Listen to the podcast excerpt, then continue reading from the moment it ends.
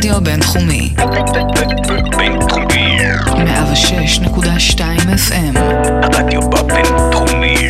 הרדיו החינוכי של המרכז הבינתחומי זה קול ישראל. 106.2 FM. לא רק יח"צ. שיחות עם יועצי התקשורת והדוברים המובילים על האסטרטגיה שמאחורי המהלכים התקשורתיים. עם לירון בן יעקב.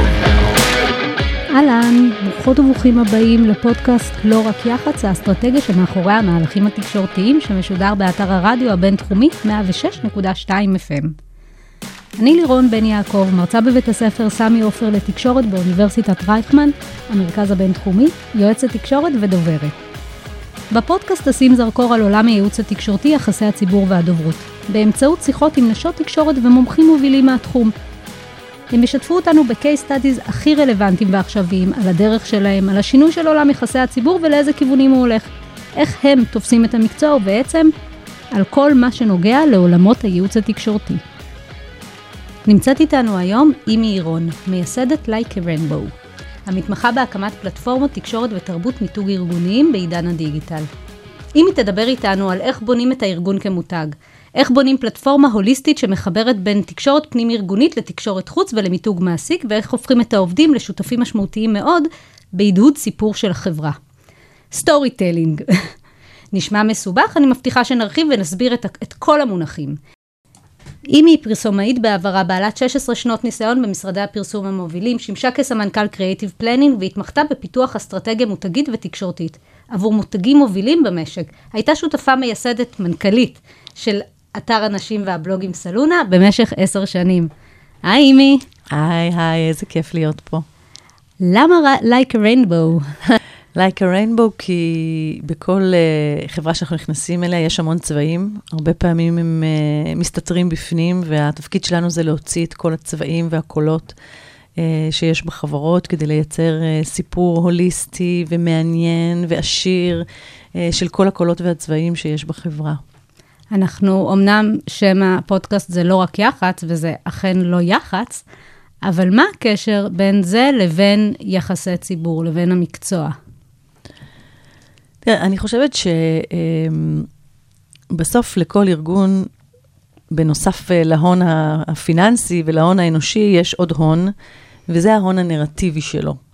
ההון הנרטיבי של הארגון הוא, הוא הון סימבולי, הוא הון מופשט, הוא הון שבנוי מהרבה מאוד uh, מסרים והרבה מאוד uh, סיפורים שמנוהלים בצורה אסטרטגית, ובעצם יוצרים את הסיפור הארגוני הגדול, את התדמית הארגונית. ו... את יכולה לתת רגע דוגמה כדי שזה יהיה קצת יותר uh, כן, ברור? אני, אני תכף אתן דוגמה, אני רק אגיד ש... ההון הארגוני בעצם מנוהל ומתבצע בהרבה מאוד ערוצים. הוא מתבצע באמצעות הדוברות ויחסי הציבור, והוא מתבצע באמצעות כל מה שאנחנו עושים במדיה הממומנת בפרסום, והוא מתבצע גם באמצעות הקול של העובדים. ובעצם הקשר של מה שאנחנו עושים הוא קשר מאוד הדוק לכל הערוצים האחרים. אנחנו בעצם יוצרים עוד תדר, תדר חדש אה, בתקשורת הארגונית, שלא היה קיים, לפחות לא בצורה אסטרטגית ומנוהלת עד היום. התדר הזה נקרא P2P Communications, Person to Person Communication, והוא בא להשלים, וזה הקשר לדוברות וליח"צ, הוא בא להשלים את ערוצי התקשורת הארגונית ה... שקיימים היום, היחסי הציבור הדוברות והמדיה הממומנת. וכשהארגון בונה לעצמו תשתית שבנויה מכל שלושת הערוצים, הוא בעצם יכול לנהל בצורה מאוד טובה את ההון הנרטיבי שלו. ואני יכולה להגיד לך שבהרבה מאוד חברות שאנחנו פועלים בהן, אנחנו בעצם יושבים בשולחן עגול, ביחד עם כל מי שאמון על המוניטין הארגוני, עם הדוברים, עם מי שמנהל את המשברים. מה זה המוניטין הארגוני? המוניטין הארגוני זה בעצם אה, אה, אה, כל מה שקשור לתדמית הארגונית. לתדמית הארגונית, למה הארגון רוצה להוציא החוצה, לבעיות שיש, לדברים שהארגון רוצה להדהד ממוצרים וטכנולוגיה ועד תרבות ארגונית ועד ניהול משברים שקורים לכל הארגונים והחברות. הבטחת לנו דוגמה. אז, אה, אני, אני לא יודעת כמה אני יכולה לדבר ספציפית על לקוחות שאני עובדת איתם. תני לנו דוגמה שאנחנו יכולים לראות אותה אפילו ב- ברשתות. אז אני יכולה להגיד לך שבלא מעט אה, חברות אה, הייטק גדולות מאוד, אה, אני יכולה לציין שמות, אני יכולה לציין את אה, סיסקו, את אינטל, את Applied Materials, אה, את אלביט. אנחנו מקימים ממש יחידות, יחידות של עובדים. אה, מין task force של, אה, של storyteller ים, קהילות של storyteller ים, שאותם אנחנו מקימים, מכשירים ומנהלים, והם למעשה הופכים להיות שותפים מלאים. אנחנו קוראים לזה Business Growth Partners אה, בזירת התקשורת אה, הארגונית, בין אם זה העסקית, התרבותית, הטכנולוגית, בכל ערוץ שה, שהארגון רוצה להדהד אה, מסרים ביחד עם העובדים. זה בעצם גם כלי מאוד מעצים עבור העובדים. הם פתאום יושבים סביב שולחן מקבלי ההחלטות. לגמרי. אני חושבת שזה מאוד אה, ברוח התקופה. אה, מצד אחד אנחנו חיים בעולם שנקרא, שקראו לו כבר מזמן storytelling economy, שזה בעצם אה, עולם שמנוהל על ידי תפיסות ועל ידי, אה, ועל ידי תדמיות. בנוסף לזה, זה עולם מאוד שקוף. יש בעולם הגיוס את כל נושא Glassdoor והרשתות החברתיות. אז הכל אחד בעצם. מה זה Glassdoor, למי Glassdoor שלא מכירה? זה, Glassdoor זה, זה אתר שבו עובדים כותבים אה, בצורה שקופה ובעילום שם על החברות שהם עובדים בהן. אה, והעולם הוא עולם שקוף, הוא עולם שמושפע מאוד מרשתות חברתיות. אה, למעשה כולם יודעים הכל, ואין דבר כזה שאין סיפור. אין דבר כזה. זאת אומרת, גם אם, אם אתה, אם, אם חברה לא מספרת את הסיפור שלה, היא יכולה להיות בטוחה שמישהו אחר מספר אותה במקומה. ואת הסיפור הזה אנחנו מאוד מאוד מאוד רוצים לנהל בצורה, בצורה משמעותית. עכשיו, כשאת לוקחת את כל הדברים האלה, את רוח התקופה, את השקיפות של המדיה, את, ה, אה, את התקופה המאוד נרטיבית הזאת, אה, ואת, ה, ואת ה, באמת הבנה שהכל הוא אחד, את מבינה שארגון לא יכול להתנהל רק בערוצי תקשורת רשמיים. הוא לא יכול. ערוצי תקשורת רשמיים, שזה באמת הדוברות ויחסי הציבור מה זה- והפרסום, הם הערוצים הרשמיים.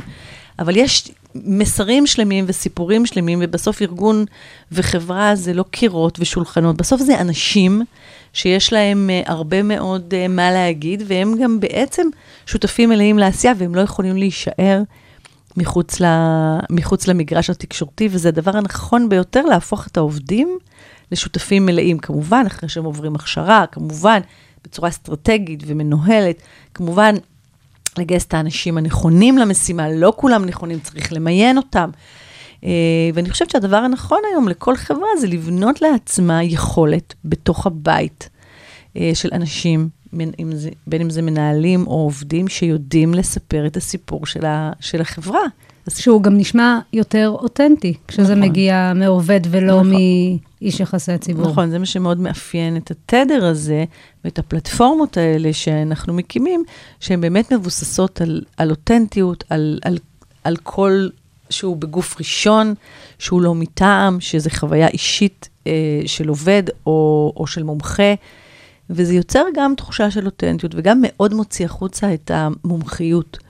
כי את בעצם שמה בקדמת הבמה את האוטוריטות, את האנשים המומחים בתחומם, שמייצרים את המוצרים, לא משנה איזה, אם זה טכנולוגיים או רפואיים או כל דבר אחר, את למעשה שמה אותם בפרונט, את שמה אותם בחזית, את מאפשרת לשמוע בגוף, בגוף ראשון ממי שלמעשה מייצר את המוצר, ובעיניי זה הרבה יותר מעניין גם.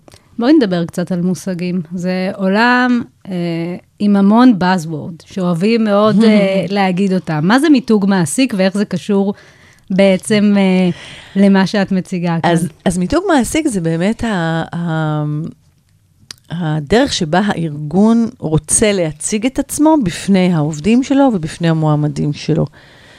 מיתוג מעסיק זה קודם כל מיתוג.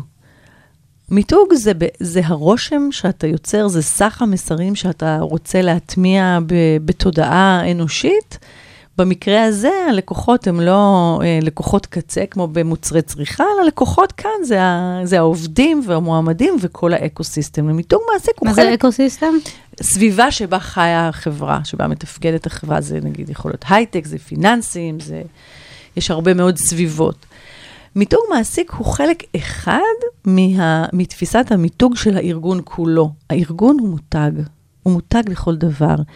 יש לו בעלי עניין, עובדים ומועמדים הם אולי חשובים ביותר, אבל גם הסביבה שהוא חי בה, הרגולציה ועוד הרבה מאוד uh, בעלי עניין שקשורים לעשייה של ה...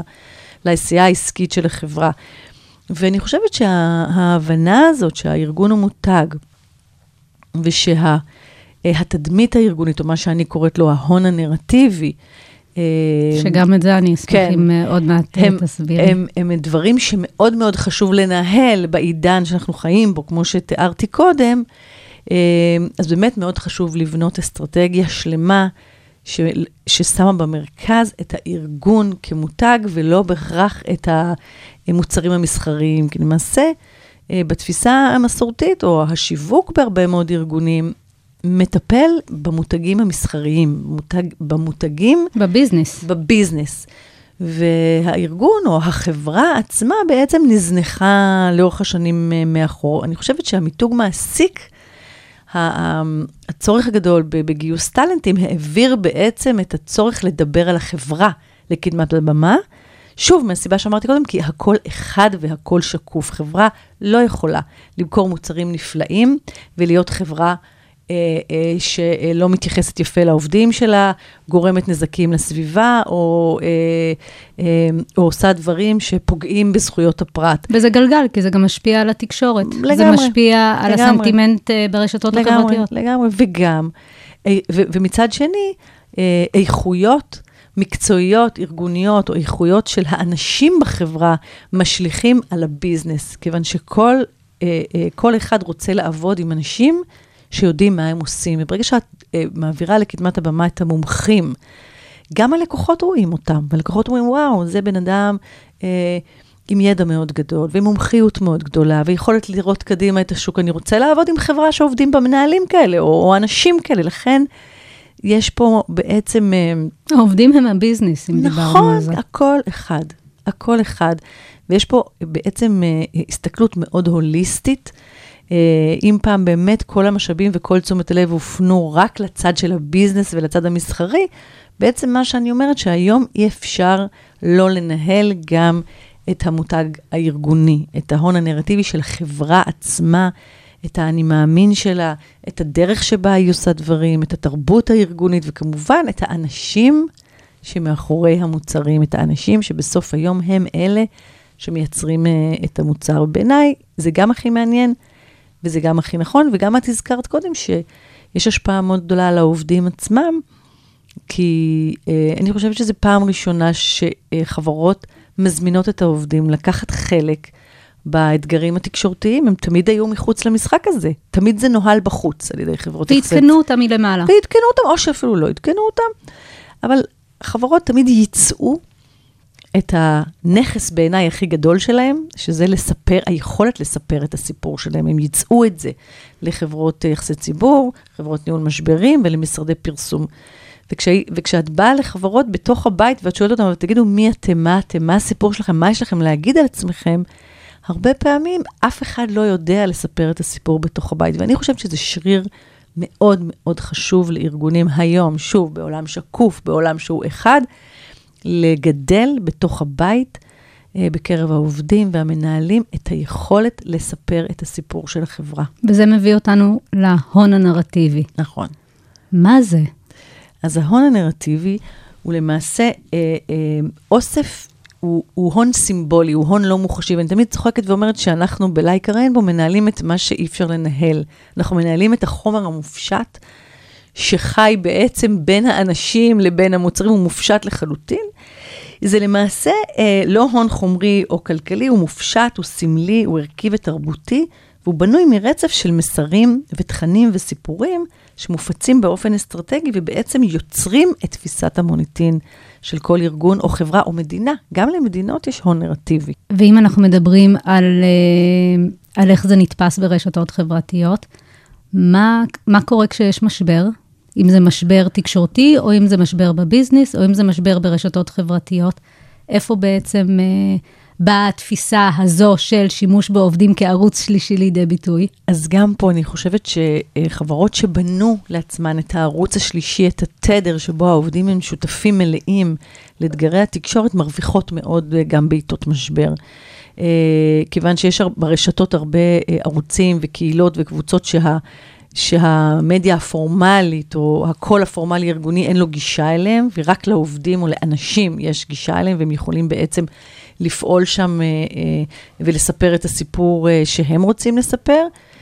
והדבר השני ש, שיכול לסייע מאוד במצב כזה, זה בעצם היכולת לשים בקדמת הבמה את המומחים, ואת הקול האותנטי של האנשים, שנתפסים הרבה יותר אותנטיים מהמסרים הרשמיים של החברה או המנכ"ל, שבאמת אה, מופצים בערוצים הרשמיים. פעם, אפרופו הקול האותנטי, היינו פונים למוביל דעה, לבלוגר, ומספרים לו את הסיפור, ואומרים, יש את האנשים שקוראים את הבלוג שלו, והוא נתפס להם כאותנטי, כי הוא stand alone, הוא לא משוייך לאף אחד. אנחנו בעצם עוקפים את זה. אנחנו בעצם מגדלים בתוך החברה יכולת חדשה ושריר חדש לספר את הסיפור ממקור ראשון, מפי האנשים שחיים את החברה, שחיים את המוצרים שלה. הרבה פעמים משברי תקשורת נובעים מכל מיני מתקפות, והן לא מדויקות. והן לא מבוססות על אמת. ואת, ואת יודעת, כי את ניהלת הרבה משברים, היכולת לנהל משברים מעל גבי העיתונות לפעמים יכולה להיות מוגבלת, ולפעמים במקום הזה זה בדיוק הזמן לשלוף את המומחה, שיש לו אה, הערכה מאוד גדולה בעולם המקצועי שלו, ולתת לו לדבר, והרבה פעמים זה יכול לייצר השפעה מאוד מאוד מאוד גדולה. ה, בעצם התדר שאנחנו פועלים בו, הוא התדר האפורמלי, הוא התדר האישי. אני שוב אזכיר את המונח הזה, ה-P2P Communications, תקשורת אנשים לאנשים, person to person, שהיא גם ככה מתרחשת. שהיא מתרחשת. בכל מקרה, כל מה שאנחנו עושים זה אה, לנסות לנהל אותה בצורה הטובה ביותר, ולא פחות חשוב, למדוד אותה. חשוב לי להגיד שאנחנו מודדים את כל מה שאנחנו עושים. Uh, בעזרת מוצרים של ניטור רשת, אנחנו מייצרים אנליטיקה על כל הפעילות של uh, פלטפורמות ה, uh, העובדים שאנחנו בונים אצל לקוחותינו, וכל חודש אנחנו יושבים, אנחנו רואים את כל האנליטיקות, את כמות התכנים, את נושאי השיח, את העובדים שמייצרים הכי הרבה אינטראקציות, את כמות החשיפות, אנחנו יודעים גם לכמת את זה לכסף, אנחנו יודעים לנהל את, ה, את התדר הזה, את הפלטפורמה הזאת, בצורה הכי אפקטיבית שיש, ולייצר ROI מאוד מאוד משמעותי. איפה זה יושב בתוך הארגון? למה זה שייך? זה כאילו, אני אתן לך להסביר את זה, כי זה כאילו אה, איזה שאלה מין... מעולה. אה, משהו ביניים כזה. זו שאלה מעולה, כי זה באמת תמיד יושב בין אה, ה-HR לבין ה marketing, לבין תקשורת פנים, כי תחשבי שזה בעצם הקול הפנימי. הקול הפנימי של החברה, והקול הפנימי של החברה משפיע על גיוס. הוא משפיע על תדמית ועל מכירות ועל לקוחות, אה, והוא משפיע פנימה. כיוון שכשעובדים מתחילים לספר בצורה מנוהלת ובכמות מאוד גדולה, אה, הרבה מאוד סיפורים, הם גם מזכירים את הקולגות שלהם, הם גם מייצרים אווירה מאוד טובה של גאוות יחידה, שמהדהדת גם בתוך הארגון. אז הפרויקטים שלנו תמיד יושבים באמת בין HR, עם מטרות של גיוס ושימור, לבין תקשורת פנים, עם הרבה מאוד מטרות של שיתוף ידע בתוך הארגון. ושוב, מי משתפי הידע הטובים ביותר? המומחים של הארגון. לכן זה גם עובד מאוד טוב פנימה. אמ, וגם זה משפיע מאוד על, על ה marketing והמכירות, כשבעצם... הרבה פעמים כשאנחנו נכנסים, נולד round table חדש בתוך הארגון, כי uh, התכנים שאנחנו מייצרים הרבה פעמים משמשים הרבה מאוד ערוצים, משמשים uh, uh, את החברות להרבה מאוד צרכים. שוב, מהסיבה כמו? שה, שתכנים שעובדים מייצרים הם המעניינים ביותר והם האפקטיביים ביותר. כמו, מה עוד אפשר לעשות עם אותם אפשר תכנים? להשתמש בתכנים האלה. כשאנחנו מדברים על תכנים, אנחנו מדברים לצורך העניין על מה? אנחנו מדברים על תכנים של רשתות חברתיות, של אומר פוסט פוסטים. בפייסבוק? כן, אוקיי. אנחנו נדבר על בלוגים, אנחנו נדבר על, על פיסות וידאו, אנחנו היום גם מדברים על שהעובד אודיו. מצלם? כל העובדים אצלנו, אנחנו מלמדים אותם, מכשירים אותם ומלווים אותם בצורה מאוד מאוד צמודה. אני תמיד צוחקת ואני אומרת שאנחנו מלמדים אנשים שיודעו לכתוב קוד, לכתוב סיפור. וזה כיף גדול, וזה כיף גדול לכל הצדדים.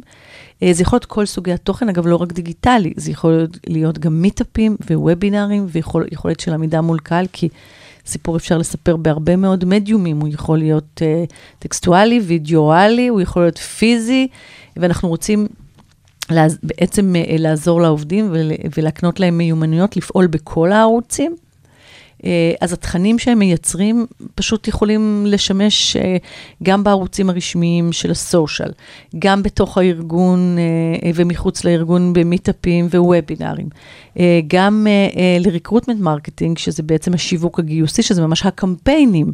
במקום לעשות באנרים, אפשר להשתמש היום בתוכן. תוכן של עובד, העובדים הם, הם בעצם ה, מה שנקרא ה-trusted advisors הכי טובים עבור עובדים אחרים, אז... Uh, יש לי לא מעט uh, לקוחות שמשתמשים בתכנים שלנו לקמפיינים והופכים את העובדים לכוכבים של הקמפיין. Uh, ב-Applied Materials אפילו הגדילו לעשות והפכו את העובדים, את חברי הקהילה שלנו לכוכבי הקמפיין בטלוויזיה. אני חושבת שיש פה רווח מאוד גדול לכל הצדדים, יש פה רווח תקשורתי מאוד גדול, יש פה רווח uh, של uh, uh, ניהול טוב יותר של ההון הנרטיבי של הארגון, ויש פה רווח גדול גם בחיבור של העובדים וביצירת גאוות יחידה ושותפות חדשה אה, שלא הייתה עד היום אה, בעולם התקשורת. ובסוף, אני חושבת שהדבר הכי חשוב זה באמת ה... העובדה שהחברה מגדלת לעצמה עוד יכולת. בנוסף על יכולות uh, של פיתוח מוצרים וניהול פיננסים וניהול לוגיסטיקה וניהול כוח אדם, היא מרוויחה את היכולת לנהל את, ה, את הנרטיב הארגוני בצורה טובה ונכונה ביחד עם העובדים, ופה בעיניי מונח הרווח הכי גדול. את יכולה אה, אולי לתת לנו איזשהו טיפ לאיך לספר סיפור בצורה יותר אישית, את הסיפור של החברה? אני חושבת שהדרך, אה, כשבכלל מסתכלים על סיפור, אה, דבר ראשון צריך לחשוב עם מי מדברים. כשחברה באה לספר סיפור, אין, אין לה סיפור אחד. יש לה איזשהו, מה שנקרא company manifesto, שזה ה, בעצם ה, ה, הסיפור המרכזי, או מה שאנחנו קוראים ה-core narrative, אבל הסיפור הזה תמיד זה כמו יהלום, יש לו זוויות. והשאלה הראשונה שאנחנו תמיד שואלים זה קודם כל, למי את הולכת לספר את הסיפור הזה עכשיו? אם את הולכת לספר אותו לסטודנטים כדי לגייס אותם, הסיפור שלך מקבל טוויסט. אם את הולכת לספר אותו ללקוחות פוטנציאליים, הוא גם מקבל טוויסט. אם את הולכת לספר את הסיפור שלך ל, אה, אה, לעובדים שלך, הוא גם מקבל טוויסט. ולכן, אני תמיד, קודם כל, בשביל לספר סיפור טוב ואפקטיבי, אני חושבת למי אני הולכת לספר את הסיפור הזה. מי הוא קל היד? מי הוא קל היד. אחר כך אני חושבת ואני מנסה להבין מה בתוך הסיפור שלי הולך הכי לעניין אותו. איך את יודעת את זה? כעובדת, לא כאימי. לי ברור שאת יודעת את זה, אבל כעובדת שמעולם לא התעסקה בזה, לא לא באה משיווק. קודם כל, אנחנו אה, מלמדים הרבה מאוד כישורים באמת של, של storytelling וחשיבה של storytelling, ואני מה חושבת... מה זה storytelling? עוד buzzword שאוהבים מאוד להגיד. storytelling זה פשוט טכניקה. אה, אנחנו לא נרחיב על זה עכשיו, אבל אה, אה, אני אגיד בשתי מילים, זה פשוט טכניקה לספר סיפור באופן כזה, שהוא יגרום לשומע שלו לעשות את מה שאת רוצה שהוא יעשה, להניע את השומע לפעולה. יש טכניקות מאוד מאוד מובנות, אה, גם בעולם ה marketing, גם בעולם התוכן, אה, אבל בעצם במילה אחת זה storytelling, זה סיפור אפקטיבי שמניע את השומע לפעולה. אנחנו מלמדים אותם את הטכניקות האלה. אנחנו מלמדים אותם, הם מתרגלים אותם והם משתפרים מאוד מאוד מאוד, וזה מדהים שוב לראות איך אנשים אה, שעד היום כתבו קודים, כותבים סיפורים נהדרים. אז דיברנו שיש מטרה, כשיש קהל יעד, ואז?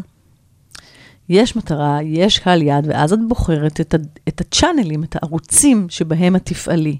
הכל צריך להיות בנוי כמו building blocks. את, את, את בעצם ממש נדבך על נדבך.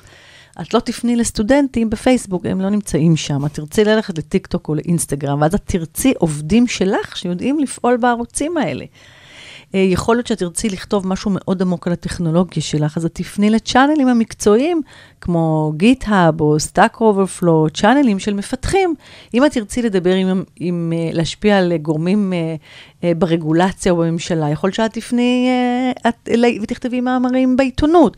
אם את רוצה להשפיע גלובלית, אז את תפעלי בפלטפורמות בלוגים כמו מדיום. יש הרבה מאוד צ'אנלים, הם צריכים להיות מותאמים, ואני יכולה להגיד לך שאנחנו מכשירים את הקהילות שלנו בהרבה מאוד, uh, בהרבה מאוד יכולות לפעול בהרבה מאוד uh, פלטפורמות תוכן.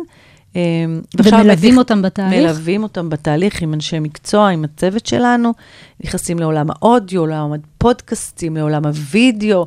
דמייני, דמייני אה, תוכנית אירוח שהיא של החברה, שמארחים בה, צריכה לחשוב על חברות גדולות, ענקיות, של אלפי עובדים גלובליות, אה, שיד אחד, יד ימין לא יודעת מיד שמאל, וזה נורא מעניין.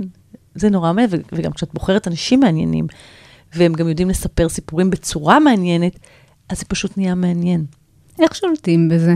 זה יכול להתפוצץ בפרצוף. את יכולה להכשיר עובד, ומספיק שמילה לא מתאימה מהמנהל שלו באותו בוקר. יש לו את ההכשרה, יש לו את הידע, יש לו... וזה יכול אז להתפוצץ. פה, אז פה את נוגעת ל, אה, לעניין של, ה, של הבחירה של האנשים. כשבוחרים אנשים לקהילות האלה, לטאסק פורס האלה, בוחרים אותם לפי, ממיינים אותם ובוחרים אותם. הקריטריון הראשון יהיה המחוברות של העובד לחברה. אנחנו בוחרים עובדים שאוהבים את החברה, שהם אחראים כלפי החברה, שרוצים להיות חלק ומבינים את גודל המשימה ואת האחריות שהם מקבלים. והקריטריון השני זה התפקיד שהם נמצאים בו, האם התפקיד משרת את המטרה שהגדרנו, את הסיפור שאנחנו רוצים לספר, כמו שהגדרנו, ב, בנר... כשהגדרנו את הנרטיב הארגוני. אמ, והקריטריון השלישי, יש, יש להם יכולת תקשורתית ושיש להם נכסים בתקשורת שהם יודעים לכתוב, שהם יודעים לדבר, שהם רפרזנטטיביים, אמ, שיש להם הרבה אה, קשרים ברשתות. אנחנו לא בוחרים סתם אנשים. זה, זה נבחרת, זה תמיד תהיה נבחרת, יכולה להיות נבחרת מנהלים, יכולה להיות נבחרת של עובדים, אבל היא תמיד ממוינת, מנוהלת. אה, זה כבוד גדול להשתייך אה, לסיירת תקשורת הזאת, זה לא כל אחד יכול להתקבל. וח- וחייב שתהיה מחויבות של המנהלים, החל מלמעלה. אה, בוודאי. קודם כל, בלי מחויבות של ההנהלה לא קורה כלום. ואני שמחה להגיד שבכל החברות שאנחנו פועלים בהן, אה, מרמת המנכ"ל וההנהלה, יש מחויבות מאוד מאוד גדולה והבנה שאי אפשר לנהל היום, בסוף אה, שנת אה, 2021, תקשורת שלא כוללת את העובדים. אי אפשר. דמיינת פעם שמנכ"ל התעניין בסטטוס שכותב העובד, העובד הקו שלו? כי לא. בסוף זה זה. זה זה וזה לא, האמת שלא, אבל העולם לא מפסיק להפתיע, ואני יכולה להגיד לך שבכל מקום, והמנכ"לים עושים לייקים, הם מקבלים את רשימת חברי הקהילה והם עושים לייקים, וכל פעם שמנכ"ל עושה לייק לחבר קהילה זה חגיגה גדולה, ויש מנכ"לים שמגדילים לעשות וגם מתקשרים באופן אישי לחברי הקהילה ומודים להם, כי אנשים עושים את זה בהתנדבות, ומודים להם על זה שהם... אה, מוכנים לעמוד בחזית התקשורת אה, של החברה. מאוד מעצים את העובדים. מאוד. מאוד מעצים את העובדים ויוצר שותפות חדשה בין עובד לחברה, אה, על הדבר הכי חשוב, על מי אנחנו, למה אנחנו פה, מה באנו לעשות ולמה אנחנו עושים את זה טוב ולמה אנחנו אוהבים כולנו להיות פה. אימי, מה מכאן? רק לצמוח עוד, להצמיח את זה, להעמיק את, ה... להעמיק את הערוצים שאנחנו פועלים בהם. אנחנו פועלים בעיקר אה, בערוצים אה, חוץ-ארגוניים, אה, שבעצם תומכים תדמית ארגונית בחוץ, ברשתות החברתיות, בעולמות הבלוגים והעיתונות. ואנחנו מאוד רוצים להיכנס גם לעולמות הפנים-ארגוניים עכשיו, של תקשורת פנים. וגם להרחיב הרבה מאוד את הצ'אנלים לערוצים חדשים של אודיו, של וידאו. יש הרבה לאן לצמוח. זה נכון, זה עולם שלם. אני חושבת שרגע לפני סיום, אני חושבת שהקורונה אה, מאוד חידדה את הצורך הזה. כן, הקורונה, ותראי, אני יכולה לדבר שעות על עולם העבודה החדש, אבל לא נעשה את זה. אמ, אבל עולם העבודה החדש הוא מאופיין הרבה מאוד בעבודה מרחוק ובעובדים עם צרכים חדשים, ובאמת בדיסרפשן מאוד מאוד גדול של מערכות היחסים בין אדם לעבודה, והכלים הדיגיטליים אה, שמחברים את העובדים לחברה, לסיפור שלה, לעשייה, ומאפשרים להם להיות שותפים, באמת נהיים הרבה יותר אה, הכרחיים ורלוונטיים. אנחנו מרגישים את זה מאוד. תודה. תודה שהזמנת אותי. עד כאן לא רק יח"צ, האסטרטגיה שמאחורי המהלכים התקשורתיים. המון המון תודה לאימי רון, מייסדת Like a Rainbow, המתמחה בהקמת פלטפורמות תקשורת ותרבות מיתוג ארגוניים בעידן הדיגיטלי. תודה לאתר הרדיו הבינתחומי, 106.2 FM. אפשר למצוא אותנו באפליקציות הפודקאסטים, ספוטיפיי, אפל, גוגל פודקאסט ובאתר הרדיו הבינתחומי. ביי. עם לירון בן יעקב.